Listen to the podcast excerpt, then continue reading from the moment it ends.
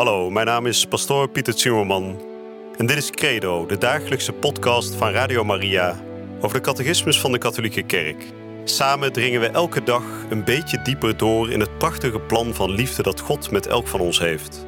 Laat je inspireren en ga met ons mee op deze avontuurlijke reis door het geloof.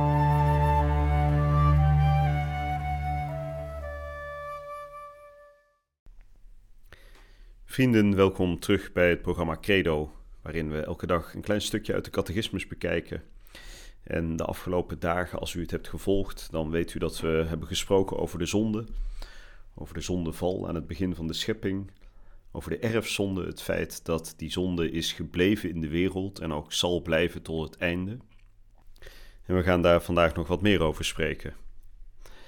Het is natuurlijk geen makkelijk thema, maar wel een belangrijk thema, want als we niet weten wat de zonde is en hoe de zonde de wereld in is gekomen, dan begrijpen we ook niks van de toestand waarin de wereld op dit moment verkeert.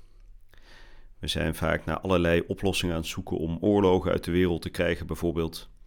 Als we niet leren begrijpen dat oorlogen één op één verbonden zijn met de zonde, met de zondeval, dan zullen we ook nooit de weg terug weten te vinden. En daarom vandaag nog een uitzending over de gevolgen van de zonde. Adam heeft gezondigd, maar dat heeft een consequentie voor ons allemaal gehad. We gaan vandaag horen wat dat betekent. Maar voordat we daarover gaan spreken, zullen we weer zoals gebruikelijk beginnen met gebed. En we zullen het voor dat gebed weer even stilmaken van binnen. In de naam van de Vader en de Zoon en de Heilige Geest. Amen. Heer God, door de zondeval van Adam is heel de mensheid in zonde geraakt. Maar door de kruisdood en de vrijzenis van Jezus Christus is ook aan heel de mensheid de mogelijkheid geboden om de zonde te overwinnen.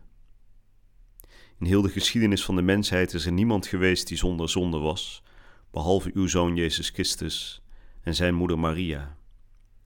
En daarom willen we vragen dat met name Maria onze voorspreekster is. Dat zij als advocaat aan onze rechterzijde mag staan, om onze zaak bij u te bepleiten, om al het goede aan het licht te brengen en ons te helpen sterk te staan in dit leven en met de hulp van uw genade de zonde te overwinnen. Amen. En ik lees vandaag voor de nummers 402 tot en met 406. De gevolgen van de zonde van Adam voor de mensheid. Alle mensen zijn betrokken in de zonde van Adam. De heilige Paulus bevestigt dit. Door de ongehoorzaamheid van één mens werden alle zondaars. Door één mens is de dood in de wereld gekomen, en met de zonde de dood, en zo is de dood over alle mensen gekomen, aangezien alle gezondigd hebben. Tegenover de universaliteit van de zonde en de dood stelt de apostel de universaliteit van het heil in Christus.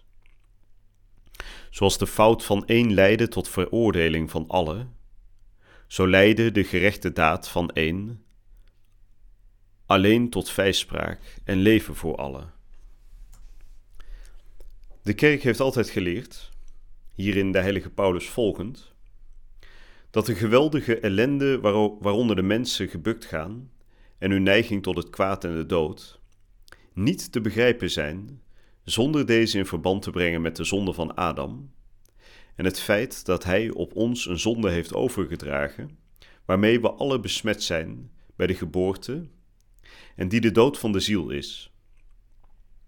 Op grond van deze geloofszekerheid dient de kerk het doopsel toe tot vergeving van de zonde zelfs aan kinderen die geen persoonlijke zonde bedreven hebben. Hoe komt het dat de zonde van Adam de zonde van al zijn afstammelingen geworden is? Heel het menselijk geslacht is in Adam als het ene lichaam van één mens. Door deze eenheid van het menselijk geslacht zijn alle mensen verwikkeld in de zonde van Adam, zoals alle verwikkeld zijn in de gerechtigheid van Christus. Toch is het overdragen van de erfzonde een mysterie dat wij niet ten volle kunnen begrijpen. Maar wij weten door de openbaring dat Adam de oorspronkelijke heiligheid en gerechtigheid niet alleen voor zichzelf, maar voor heel de menselijke natuur ontvangen had. Door te bezwijken voor de verleider begaan Adam en Eva een persoonlijke zonde. Maar deze zonde tast de menselijke natuur aan, die zij in een staat van verval zullen brengen. Het is een zonde die door voortplanting overgedragen zal worden, op de hele mensheid. Dat wil zeggen door het overdragen van een menselijke natuur die beroofd is van haar oorspronkelijke heiligheid en gerechtigheid. Daarom wordt de erfzonde op analoge wijze zonde genoemd. Het is een zonde die men opgelopen heeft en niet bedreven heeft, in staat en niet in daad. Ofschoon de erfzonde aan ieder eigen is, heeft zij in geen enkele afstammeling van Adam het karakter van een persoonlijk vergrijp. Het gaat hier om het verlies van de oorspronkelijke heiligheid en gerechtigheid. Maar de menselijke natuur is niet geheel verdorven.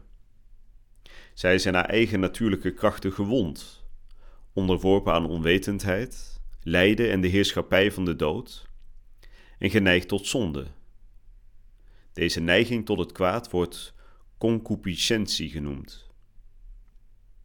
Het doopsel doet de erfzonde teniet door het leven van de genade van Christus te geven en brengt de mens weer naar God. Maar de gevolgen voor de verzwakte en het tot het kwaad geneigde natuur blijven in de mens bestaan en roepen hem op tot geestelijke strijd. De leer van de kerk over het overdragen van de erfzonde wordt vooral in de vijfde eeuw nader gepreciseerd in het bijzonder onder invloed van het denken van de heilige Augustinus, tegen het Pelagianisme en in de 16e eeuw in de strijd tegen de Reformatie. Pelagius was van mening dat de mens door de natuurlijke kracht van zijn vrije wil, zonder de noodzakelijke hulp van Gods genade, een moreel goed leven kon leiden. Hij bracht zo de invloed van Adams vergrijp terug tot die van een slecht voorbeeld. De eerste reformatoren leerden daarentegen dat de mens radicaal verdorven was en dat zijn vrijheid door de erfzonde was opgeheven. Zij identificeerden de erfzonde van iedere mens met de neiging tot het kwade, die niet te overwinnen zou zijn. De kerk heeft zich in het bijzonder uitgesproken over de betekenis van het geopenbaarde gegeven met betrekking tot de erfzonde op het Tweede Concilie van Orange in 529 en op het Concilie van Trente in 1546. Nou, dat was het laatste nummer voor vandaag. Een, ja, niet zo'n hele lange tekst, maar toch wordt er ontzettend veel gezegd. Het is goed om dat even van dichterbij te gaan bekijken, om het even te ontleden. Er is gesproken over de zonde als erfzonde die door Adam in de wereld is gekomen en Adam heeft als het ware het hele menselijke geslacht, de menselijke natuur daarmee getekend. En dan spreekt de catechismus over het verschil tussen de persoonlijke zonde en de zonde die van geslacht op geslacht overgaat, de erfzonde. De persoonlijke zonde is een daad, het bewust doen van iets wat God mishaagt. Maar die erfzonde is niet een daad, maar is een soort staat die de mensheid erft van zijn voorgangers.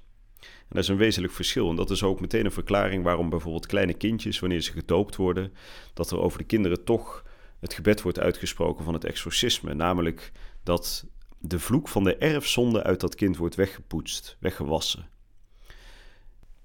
Ik zeg ook vaker tegen ouders die hun babytje laten dopen, dat hun kind natuurlijk nog niks fout heeft gedaan. Hè, dus de zonde van daad heeft het kind nog niet bedreven. Maar het kind deelt als mens wel in die gevallen die gekwetste menselijke natuur.